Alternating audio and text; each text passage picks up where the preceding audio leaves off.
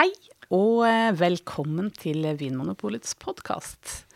I dag så har vi altså med oss i studio Anders Stueland og Håkon Skurtveit. Hei til deg. Hei. Hei. um, velkommen, alle sammen. Og vi har altså fått et lyttespørsmål. Mm, Og det er fint. det, det syns jeg vi skal besvare. Mm. Kan ikke du lese det? Prøve, i hvert fall. Ja, jeg skal se.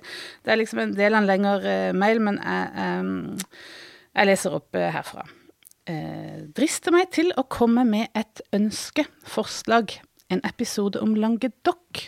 Dette enorme vinområdet i eh, Sør-Frankrike.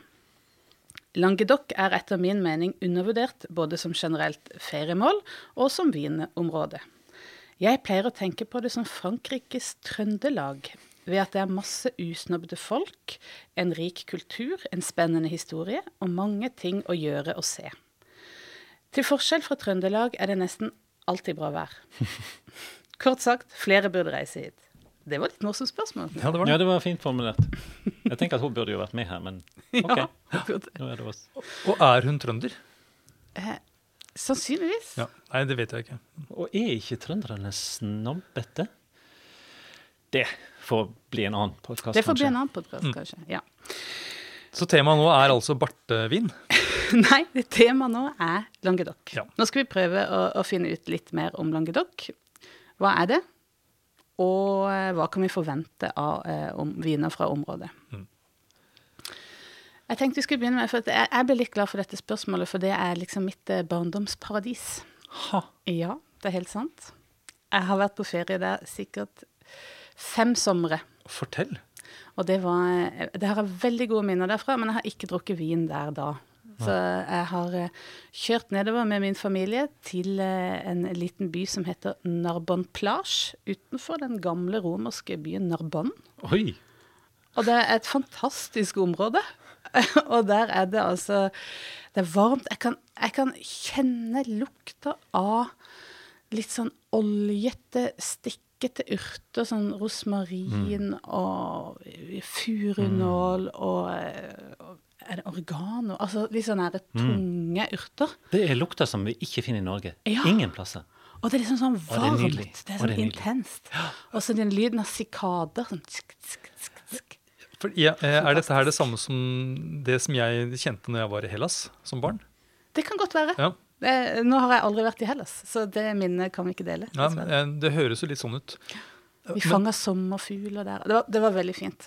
Dette urtepre, altså det, Lukten av urter, er det det som kalles da garrig? Ja, det, er jo inn, det er jo sånn som vi vinsnobber Vi trønderske vinsnobber har uh, lett for å bruke det når vi kjenner urtelukt derifra. Og det er jo en helt spesiell uh, lukt. Det lukter varmt og Ja. Og det er jo varmt. Det det er et varmt varmt, ja. område. Men har dere eh, noen sånne varme, gode, glade minner fra Languedoc? Altså, når du viste meg den eh, tidligere, den eh, e-posten der, så tenkte jo jeg at Languedoc-Roussillon, hele området i sør som, som grenser mot eh, Middelhavet, er kanskje mitt favorittvinområde.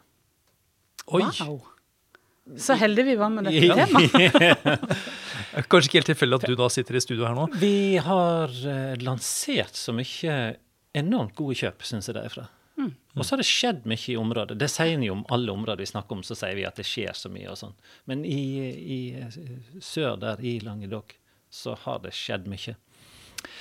I det siste. Og det handler jo stort sett om ja, eh, innvandring og utvandring, det er én ting, fordi at det er kommet inn nye folk som oppdager landskapet på ny, der de har holdt på å eh, renske ut vinmarka pga. at det har vært for stor produksjon. Det har vært både bra og dårlig tror jeg, for vinkvaliteten, sett fra et sånt forbrukersynspunkt. Men det har i hvert fall gjort at noen har oppdaga de der eh, vinmarkene oppe i fjellene som en kan få leid eller kjøpt for en billig penge. Og der det faktisk er en plasser der vin trives eh, for å lage kvalitetsvin. For det er jo i de områdene der nesten ingenting annet enn det buskaset du snakket om, eh, kan vokse. fikentre, et og annet. Ja, kanskje, et oliventre. Ja. Mm. Altså det er jo de tingene som er der, og du ser landskapet. Det er jo veldig Jeg har så vidt vært der og tenker så rørende å se òg hvordan en har utnytta hele landskapet. Du ser sånne stupbratte fjellsider Mm. med oliventre. Ett tre der og ett tre der. De må jo sikkert ha omkommet Det gjorde de På, nok. på vei mellom trærne. mellom. Men eh, eh, vinmarkene, noen av de vinmarkene oppe i fjellet der som ligger så tørt til at det er nesten ikke er noe annet som kan vokse. Tørt, ulendt terreng Ja. med et par oliventrær og Ja. kanskje en litt sånn uttørket gammel mann, og da noen gamle vinplanter. Ja. Ja. ja, nå var vi jo liksom inne på veldig mye på en gang. For Ja. at eh, vi har eh, klart å plassere eh, Languedoc-Roussillon som en region som ligger eh, nede ved Middelhavet. Ned mot eh, spanskegrensa. Eh, kystområde. Mm. Ja, For det er vinmarker helt ned til Middelhavet. Ja, Nesten ned mot stranda. faktisk. Og det er ikke den der fancy Saint-Tropez eh, Provence-delen av Middelhavet. Det er den litt mer som hun snakker om, den usnobbete delen der eh, de uttørka gamle mennene oppholder seg. Eh, og dette området har altså, som du også var så vidt inne på, vært kjent for en overproduksjon og kanskje ikke hatt et så godt rykte. Derfor er det litt overraskende at du sier at det det er ditt favorittvinområde. For det, det er kanskje det mange forbinder med liksom sånn lavkvalitets bulkvinområde. Men der kan du opplyse oss eh, litt mer. Men det var jo, eh, produksjonen der var jo enorm. Du hadde noen tall, Anders. Nesten halvparten av all Frankrikes vin var Ja. produsert der for en- 100 år siden. Jeg lurer på om en tredjedel av druene i sånn rundt eh, 2000 Ja. Så kom nå, da fra Ja. um, dette området. Og da, var, da kalte man det liksom Vinsjøen. Det var så mye vin som ble laget at de hadde en overproduksjon på eh, ja, milliarder av flasker. Ja. Som da ble sendt til destillasjon, eller nøddestillasjon ble det også omtalt. Så da ble det jo snakk om at altså det ble, Man dro opp mange vinplanter. Man ville ha eh, mindre vin, vinplanter, sånn at eh, produksjonen gikk ned. Og Ja, det var jo mange som protesterte de- mot dette, selvfølgelig. Det fikk en subsidier til. Ja. Og Men- det som er trist, er jo da at ofte så rykte en opp med rota alle plantene som vokser opp i disse her tungtdrevne vinmarkene. Mm. Og så eh, hadde en Flatlands. Ja, der en faktisk kan dyrke grønnsaker òg. Ja, hvor det var lettere å dyrke. Mm. Ja, ja, så det er liksom den derre eh, skyggesida av Languedoc. Men, Mm. men hva er det vi er liksom begeistra for? Hva er det som vi vil trekke fram som er eh, spesielt med området? De gode kjøpene. De Jeg syns jeg får så mye god vin til 150 kroner, 200 kroner. Der uh, rødviner som jeg tenker er Å, dette her er jo akkurat sånn som rødvin skal smake. I hvert fall rødvin som kommer fra varmt klima. Hvordan, hvordan smaker disse vinene? Det er noe sjenerøst over de vinene. Det som er gjerne en kaller for kraftige viner. Veldig mye av det. At det er en sjenerøs fruktighet med mye sødmerik frukt. Nå snakker jeg om rødvinene. Ja. Mm. Og så tenker jeg òg på de som er dyrka på de druetypene som er velegna for det karrige og varme landskapet og klimaet der. Ja, for du kan ikke dyrke hva som helst, håper jeg, i, i sånne forhold. Nei, en del av den der historikken òg, da var jo at en, en så sånn ned på en del druetyper. For hvis du dyrker sånn som f.eks.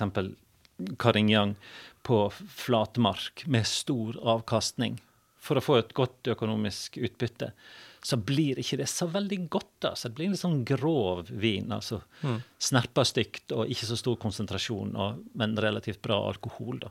Ja, så var Men det, ja. dyrker du den oppi skråningene med låg avkastning, og sånn, så er jo det en helt utrolig fin druetype. Med at den både gir en sånn fasthet Jeg er glad i viner som snerper litt.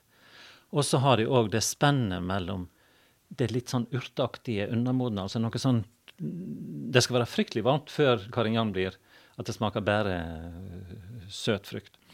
Så har den òg veldig fine topptoner. Sånn balsamaktige topptoner.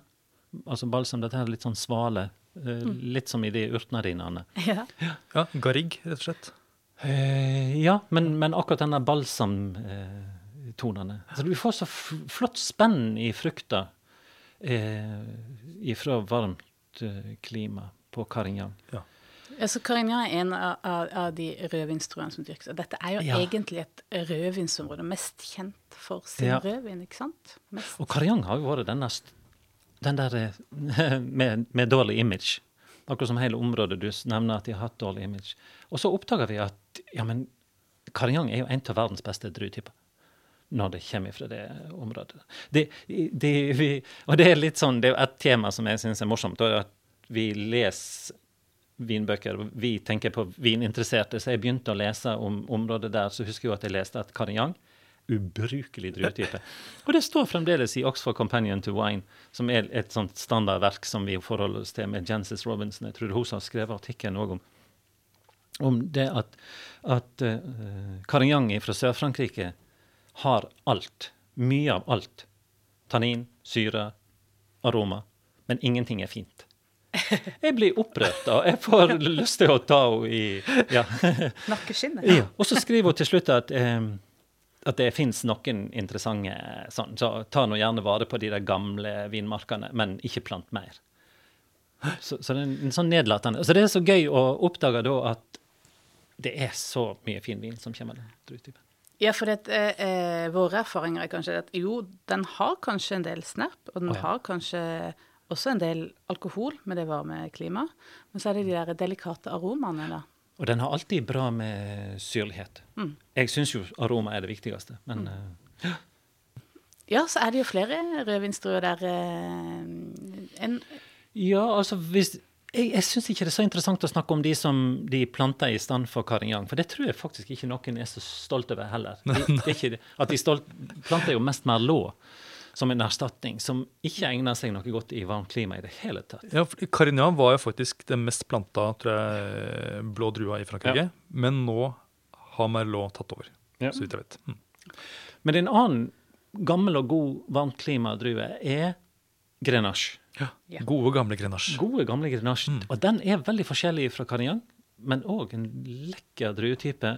Hvis vi begynner fra toppen, så har den Mens Carignan ofte har litt av dette svale balsam-topptonene, så er Grenache litt oftere blomst, tenker jeg iallfall. Ja, og vet du hva min knagg for Grenache er? Ja. Søt lakris. Oh, Ja. Nesten sånn at jeg tenker på at det er noe sånn hint av noe sånn toffee eller sånn karamellaktig blandet inn med lakrisen. Jeg trodde du skulle- Pandalakris. Ja. jeg trodde du skulle si jordbær. ja, jo, det også. Mm. Søte jordbær. Ja, men det er liksom det jeg tenker denne karamellakrisen er eh. Jeg kjenner mest til Grenache fra sånn Sør-Rån-appellasjoner, men det er jo ikke så ulikt klima. Nei. For, altså, Nei, det er akkurat Sammenlignet som, med eh, Languedoc. som rån har bare på en måte smelta litt, og så rent nedover til Ja. Languedoc. det er som rent utover sine bredder. Altså, ja. Mm. Men hva, hva skal en drue ha for å være en, en varm klimadrue, når du nevnte det? Hvorfor Den- er det en varm klimadrue? For det at det, den trenger Altså, du kan ikke begynne å dyrke eh, Carignan og Grenache i, la oss si, eh, i Østerrike. Det tror jeg blir eh, veldig galt. ja, for den vil ikke modnes. Den blir ikke moden. Den, uh, Den må ha lang modningstid. Men de to druetypene er veldig forskjellige med Altså, Grenache har jo relativt lite tannin, for eksempel. Mm. Og kan være problematisk med at i noen områder så får han litt for lite syre. I andre områder så er ikke det noe problem. Altså selv i varme områder. Så det kan gi litt forskjellig. Hvis en vil ha en litt tøff vin, så ha på mye Carignan. Men Hvis en leter etter en, en eh, litt mer sånn leskende, mjuk stil, så er gjerne Grenache-tingen. Og ofte så er de vel blanda også? Ja. At det er liksom, de putter i litt av det og litt av det for, å- få ja. Det er jo tradisjonen i området. Mm. Og så har vi syra. Det er kanskje- er ganske fantastisk. Ja, det er en ganske fantastisk drue. Men det, eh, i Languedoc så blir jo ikke syra sånn som i Nord-Rån. Nei. Ikke like frisk og ikke like sånn tydelig pepperpreget. Nei, ikke så vill, på en måte. Nei. Det er mer sånn litt lubben og glad. ja, det er sant, det. Rød i kinnene og, og med litt bukfett. Ja, sånn, Ja, sånn blir man vel av å bo i Languedoc, Ja. tenker jeg. Men det, syra, det som jeg slo meg med en gang, er at så mye god syra det går an å finne i, i relativt kjølige områder, og opp til at det er ganske så varmt. Mm, ja, det virker som en drue som tåler et visst sånn spenn i, Ja. i klimaet, egentlig. Og det er jo kanskje av de tre som vi har snakket om, da, den mest sjenerøse. Der er det nesten alltid syra gir en sånn sjenerøs, mørke, søte bær. Og, Ja. og lakrisen din, syns jeg òg. Der kommer den også, ja. Ja. Altså. Så i en blanding med, så vil da syra tilføre da denne mørke bærfrukten, kanskje, og dette litt sånn søtlakrispreget enda mer enn grenasje. Mm. Og så har de disse litt mer sånn blomster og urter og balsam som kommer gjennom carina og Mm. grenache. Altså, det er liksom de tre, de tre druene som vi tenker eh, dette må vi, eh, dette Ja. må vi ha øynene opp for. Mm. Det, det er dette som gjør at Languedoc er ditt favorittområde. Ja, jeg tror det. Nettopp. Sa jeg det, ja? ja? Nei, jeg holder fast med det ennå. Ja. Det er lov å ombestemme seg Jo, men jeg, det er rett og slett fordi jeg syns at jeg kan finne så gode kjøp på Ja. rødvin der. Men Hvitvin, da? Ja, det er noe hvitvin der òg. Ja, de lager hvitvin. Ja. Um, Det, det er litt uh, morsomt. det første jeg eh, tenker på når jeg tenker på hvitvin fra Languedoc, er jo ikke sånn fjellvin, men mer sånn eh, ned mot Middelhavet. Så lager de noe som heter eh, Picpoul de Pinet, Mm. Ja. og druen heter Picpoul. Det er jo et litt morsomt navn. Ja, man navn. får lyst til å fnise litt, Mm, men jeg skal, Ja. jeg skal være voksen nok til å gjøre det. Og det som er litt uh, gøy med den druen, bortsett fra navnet, er jo det at uh, det gir, den druen gir friske viner, selv om det er et varmt klima. Fordi jeg, min erfaring er at en del av sånn som Grenache Blanc og en del andre sånne varmklima-druetyper blir ikke så veldig friske. Men Picpoul gir Mm. friske viner med en litt sånn sitrusaktig aroma. aroma. Eh, fiske, fiskeviner. På sitt beste. På sitt beste, ja. Og, yeah. Men ikke spesielt komplekse, eh, tenker jeg. Men de er jo ikke eh, så veldig dyre heller. Ville du Mm. klart å kjenne at det er en pikkpull i en, en blindsmaking, tror du? Nei, det tror jeg ikke. Men det er jo Det er mange, en det er sånn mange druetyper jeg ikke ville klart å kjenne. Jeg klarer jo ingen kjenne. blindsmaking, altså. Men jeg, det, det jeg tenker, er at jeg, jeg ville vel ikke automatisk gått til varmt klima hvis jeg blindsmakte en pikkbull. Mm. Jeg ville nok lett blitt lurt eh, litt lenger nord Ja. i Europa. Eller siden jeg nevnte Eller mot Spania, eller Minner jo kanskje litt om grønn. Den har nei, Eller mer sånn grønn urtekarakter. Ja, kanskje. Eller jofark. Ja, den kjente druen Jofark. ja fra Ungarn. Ja. Ja. Ja. ja. Mm, ja. Nei, så pikkpull er jo altså da en, en, noe helt annet igjen. En, en lett, lys, frisk eh, hvitvin. Mm. I motsetning til de litt mer sånn der robuste rødvinene vi har snakka om. Vi har jo lansert noen gode pikkpollepinner innimellom. Jeg vet ikke hva som fins nå, det burde jeg visst. Ja. Men for meg så syns jeg jo de hvite fra Languedoc, det er jo de store, som òg de koster en god del vanligvis. Og jeg syns de er verdt pengene òg. Jeg syns det er det som er de interessante eh, fra Languedoc år siden. Og ja, ikke pikkpol, men noe annet. Ja. Ah, ja. Jeg vil opp i fjellene igjen. Oh, du er en sånn fjellmann, da. Ja, jeg er ikke så interessert i dette sjølivet. Strandlivet. Så, eh, og der eh, dyrker de jo noen av de samme druetypene som finnes i Spania. Eh, Grenache Blanc er kanskje den viktigste. Macabeo. Macabeo. Ja. og litt grann Vionier kanskje innimellom. Men i alle fall så ble de Jeg tenker at de vinene bærer mer preg av landskapet de kommer ifra. Her er litt bukfett igjen, kanskje. Ja, de blir ofte feite, rike, stofflige. Og det er det jeg tenker på. Hvis du er ute etter en forfriskende, lett og saftig hvitvin, så er det ikke noe vits å hente inn eh, den, denne typen vin som jeg snakker om. De er ofte òg laga med full Altså gjæra på fat. Mm. Store eller små. Gamle eller nye. Ja, så ligger de på bunnfallet en Ja. god stund. Malolaktisk fermentering der eplesyre blir omdanna osv. Men Og gjerne liksom- høy alkohol igjen, er det ikke? Og litt tøffe viner. Ja. Litt rikere munnfølelse, litt sånn feitere på en måte. Men et stort spenn der igjen i, eh, i aroma, tenker jeg. At de har stor dypne, iallfall. Ja. Jeg syns at det går an å snakke om mineralsk, akkurat som vi snakker om urtepreg og fruktpreg og sånn. Ja.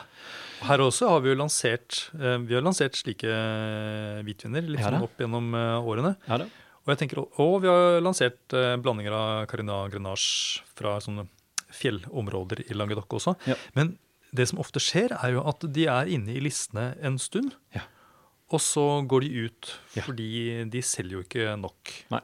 For det er jo, de er jo, det er, dru, altså det er jo viner som er ukjente for mange. Ja. Og de, i en vinmonopolordning så har vi rettferdig konkurranse mellom viner fra alle land og distrikter. Ja. Og dette er kanskje både en vinstil og et område man ikke tenker så mye på. Det er ikke det første man tenker på. Kanskje etter denne episoden. Ja. Men jeg lurer på om, eh, når vi snakker om hvitvin òg, så er det en annen ting som jeg har lært som ikke stemmer med sånn som jeg eh, leste om vinproduksjon før. Det blir litt teknisk. Kan vi ta det? Ja. Det er ikke, det er ikke veldig teknisk. Men jeg har alltid eller før, når jeg var ung og interessert i vin, så, så lærte jeg alltid det at i noen områder så er det varmt. Der produserer en rødvin. Noen plasser så er det kjøligere. Og noen plasser er det så kjølig at en bare produserer hvitvin. Det er jo litt sant i det òg. Det er jo de mest, altså de nordligste vindistriktene i, i, i verden. eh, Det er jo hvitvinene som briljerer der. Men dette med varmt klima og rødvin, det er en en faktor derfor, Det begynte med at jeg lurte på hvorfor det var så mye rosévin fra varme strøk. Ja. Og det henger sammen med det som jeg nevnte i stad til dels, at vanligvis i rødvin så blir eplesyra som fins i druene Det er stort sett eplesyre og vinsyre i, i druer. Så blir eplesyre omdannet til melkesyre, malolaktisk fermentering. Det gjør en gjerne ikke når en lager rosévin. Men en annen ting som spiller inn òg, som angår den vinsyra, det er at hvis det er så varmt at det er problemer med å få god nok syrlighet og lav nok pH da under produksjonen, så kan det være en fordel å ikke lage rødvin. For at når du lager rødvin, så er mosten i kontakt med skallet over lang tid. I skallet så finnes det òg en god del kalium, som danner et salt med, med vinsyra som felles ut. Denne vinsteinen som ser ut som sukker ofte, som ligger på bunnen av vinflasker. Mm. Så dermed så er det en viss sånn logikk i å lage hvitvin der du har skort, kort eh, skallkontakter. For, fordi altså, når du lager vin, hvis skallet ligger lenge med mosten, så blir rett og slett syra felt ut. Ja, den binder seg. Den blir ikke felt ut nødvendigvis med en gang, men den binder seg sånn at pH-en alltid går opp. Ja. Og de beste vinene syns jeg jo Det skal ikke jeg påstå, kanskje, men jeg har nå en viss sans for viner som er laga uten at en Der en har en kombinasjon av klima og druetyper som gjør at en ikke behøver å tilsette syre eller fjerne alkohol og holde på så mye. Ja. Men ja, for akkurat den, der, den eh, tradisjonen eller kulturen eh, med å lage rosévin i varmt klima, mm. kan det også henge litt sammen med at eh, når- det er sommer og varmt, og du spiser fisk og vil ha noe litt leskende, så har du kanskje ikke så lyst på disse eh, litt sånn fyldige rødvinene som har ikke så høy friskhet. At det er en måte å Tilpasse det klimaet. tilpasse måte, Og gi, gi folk en lokal, lokal vin som er frisk. Derfor så er rosévin en måte å Jeg har bare tenkt at det var en logisk eh, slutning. Men det, det kan jo være at det er, at det er mer eh, komplekst enn det. Altså. Men, eh, men det henger jo litt sammen med liksom, eh, middelhavskjøkken også. At det er jo liksom rosévin er en lettere, ja. lettere vin å, å drikke til, til den type mat òg. mm. Fordi i disse områdene så er det jo ikke vanlig å eh, dyrke egne druetyper nettopp til eh, rosévin. Det er gjerne sånn at du bruker de druetypene som allerede brukes til rødvinene, eh, og så velger du å lage rosévin. Jeg vil tro at Anne sin eh, kulturelle logikk og min mer tekniske logikk antageligvis deler noe sant i begge deler. Ja. Men det var ikke rosévin som Nei. var, Det er mer når vi kommer enda lenger øst, og der strendene blir befolka av yachter og sånn. Ja. ja.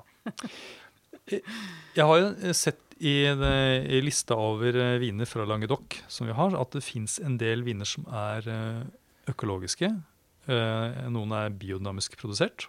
Og en del av dem er også lavsvovla. Det er tilsatt lite eller ingen svovel. Det er jo på en måte det vi eh, det naturvin, er det ikke? Ja, noe av det vil jo falle inn under naturvin. Tenker du også at det er noe som er, at det er mer av det i Languedoc enn en del andre franske appellasjoner? Ja, det blir bare gjetting, men Ja. det er jo La oss mer litt. Ja, men det, eh, av det jeg ser i hyllene våre og i bestillingsutvalget og sånn, så tenker jeg at det er et område Det er ikke så rart, for det er ganske mye tørre vinder som kommer nord ifra ned gjennom området der, så det er jo Det er jo ofte sånn at høy luftfuktighet eh, gir større fare for eh, meldugg og råte og eh, sånne sykdommer på plantene. da. Og biodynamisk og økologisk dyrking krever mindre bruk av kjemiske plantevernmidler og mer at en stoler på og styrker immunforsvaret til planten. Så, Så vind er bra. Det på en måte tørker bort eh, da eh, fuktigheten, sånn at det ikke er så lett for eh, sopp å å liksom lage noen sånne råteproblemer. Hvis vi tenker på naturvin som vin som er dyrka av som, som er basert på økologisk dyrka druer, og som ikke er manipulert på noen måte, altså manipulert, altså der en ikke har gjort noen endringer eh, med å fjerne syre eller alkohol eller tilsette og bruker lite svovel, så, så vil jeg tro at det er mer av det fra Sør-Frankrike. At en finner et større utvalg der. Mm. Så det henger litt sammen med, med de klimatiske Mm. forholdene. Det er mer det kanskje enn at det er eh, folkene. At det er, eh, Ah. det Jeg er tror jeg har en, et innspill på det òg. Ja. at det er jo et område lett å dyrke druer, varmt klima osv. Og så er det fremdeles ganske lave priser på vinmarker. Så det er en del sånn uh, tilflytting av entusiaster. entusiaster som vil prøve seg. Og så er det kanskje ikke så mye risiko eller økonomisk risiko involvert heller. At du kan eh, prøve deg på f.eks. naturvin som kanskje involverer mer risiko at du kan få vin som Det kan gå galt av og til. Jeg er helt enig med deg, Anne. Jeg, er sikker på det er et uh, viktig poeng. Jeg husker for mange mange år siden en uh, bekjent av meg som er vinkonsulent i Tyskland og tidligere i Frankrike. Han, jeg spurte han hvor hen For han hadde jo, som så mange som driver som konsulenter og har utdannelse innenfor, så han egentlig så er jo drømmen hans å drive sin egen vingård. Og dyrke druer og lage vin sjøl. Og da spurte jeg han hvor, hvis du kunne velge fra hele verden, eh, hvor ville du gjerne hatt en vingård? Jeg tenkte han skulle begynne å snakke om Burgund, eller et eller annet Napa eller Bordeaux og sånn. Og han med en gang eh, så sa han at å, han ville til Langedokk. Han ville ned og fange sommerfugler og løpe rundt på de Snuse inn garriggen. garriggen. Nei, men jeg, jeg, jeg eh, Kanskje det var det som åpna øynene mine litt, for at jeg husker min overraskelse.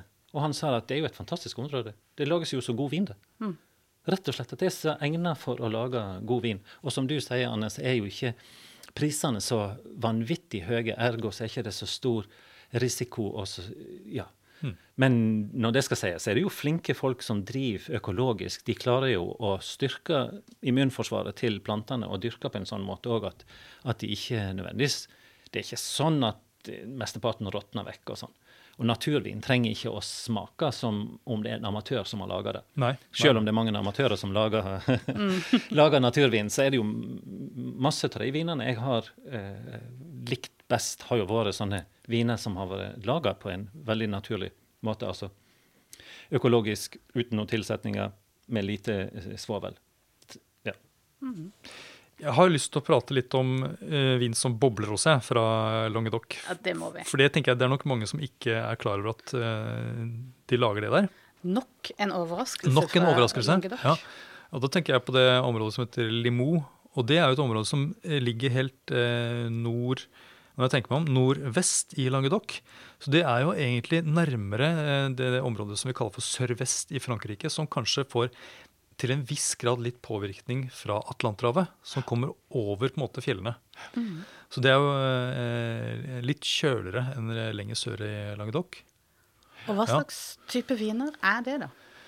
Eh, de lager eh, musserende vin etter det som gjerne kalles champagnemetoden, eller tradisjonell metode. Der eh, det skjer en sånn annengangsgjæring på flaske. Og det har jo mye å si for liksom, hvor kompleks vinen blir. At den smaker noe mer kanskje enn bare en sånn ren fruktighet. En bunn av noe sånn kjeks og nøtteaktig. Uh, og jeg vet jo, Håkon, at du uh, har jo uh, en favoritt fra uh, Limo.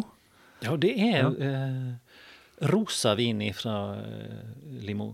Det, det er jo I Frankrike så har en champagne som lyser over hele alle, alle musserende viner i verden. Med, og, og det syns jeg er velfortjent òg. Jeg syns jo champagne òg er lager fantastisk vin. Til ofte til OK pris. Men eh, min beste Og, og, og disse her underområdene kalles for crema. Vi har crema de Bourgogne, crema de Jura, og så har vi crema de limo, Som du snakker om, eh, Anders. Og du husker geografien, sånt gjør det ikke jeg. Men de vinene er jo Ja, det er igjen kanskje mine favorittmusserende vin, bortsett fra champagne. Hva slags druer bruker de i cremande limo da? Er det lokale varianter, eller er det noe annet?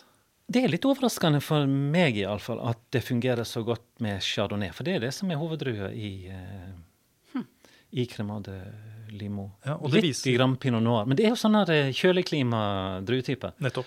Og det, det funker i hvert fall helt fenomenalt. Ja, og det, jeg tenker det viser jo litt at dette her er et litt kjøligere klima enn ellers Mm. i, i Languedoc. Og så har de også en, eh, en lokal eh, druetype som heter eh, Mossack, eller som ligner på mu Musak. Som de bruker i to andre typer museer i Wien. Og de har også da mm, Som også lages etter champagnemetoden, den ene, og så har de da den andre som heter da eh, Blankett. Eh, metode ancestral. Mm. Jeg har bare lyst til å prate litt om den. fordi Ja.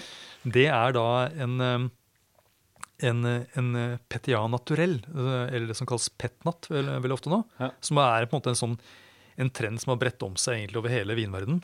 Eh, Men i Limous så har de hatt en lang tradisjon da, for å lage sånne petnatter. Men det merkes da som blankett. Det, blankett metod ancestral.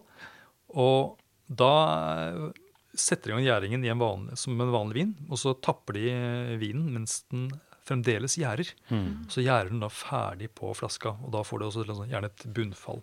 Så det er bare én gjæring, i motsetning til to. Bare én eh, gjæring. Mm. Og det er litt mindre, mer som perlene, ikke så musserende. Ja, og Så kan du gjerne også ha litt sødme igjen, da. Mm. Men de er disse eh, Mossack-vinene. Eh, de er litt sånn grønnere nesten i preget. Ja. Med sånn, nesten sånn hint av noe sånn gressaktig og sitrus Ja. enn disse chardonnay pinot noir, som er kanskje litt rykere. Og, ja. ja. Det er noe med. Antageligvis derfor eh, nå, nå spekulerer jeg, men jeg vet jo at chardonnay kan gi eh, i musserende vin en litt sånn fedme, munnfølelse. Jeg har smakt vin ifra, ifra eh, hva heter det mest kjente italienske Nå fikk jeg et igjen sånn Prosecco. Prosecco! De bruker en druetype som heter Glera. Og de er alltid veldig, sånn, veldig lette, og uten noen sånn fedme i Men så har jeg smakt uh, chardonnay fra samme område. Uh, dyrka, og kjente denne her fedmen. Og da påstår i hvert fall vinmakeren at det var en del av chardonnay sine egenskaper. rett og slett. Men kan vi si da at eh, litt sånn som Trøndelag, så er eh, Languedoc et område som har alt. Ja. Eh, Du, du får hvitvin, du får rødvin, du får eh, Du får Ja. rosévin, og du får museenvin også. Ja. Du mangler ingenting i Mm. Languedoc. Eh, slik som eh, du antageligvis ikke mangler noe i, i Trøndelag. Både bart og skinnvest. ja. Mm. Ja, jeg tror vi kan eh, Jeg er ikke helt sikker på Men nå kjenner ikke jeg Trøndelag så godt, da. Men eh, da tror jeg eh, vi bare gjenstår å takke for oss. Og takke for gode spørsmål som stadig dukker opp i vår innboks. Og takk for Ha det! Ha det.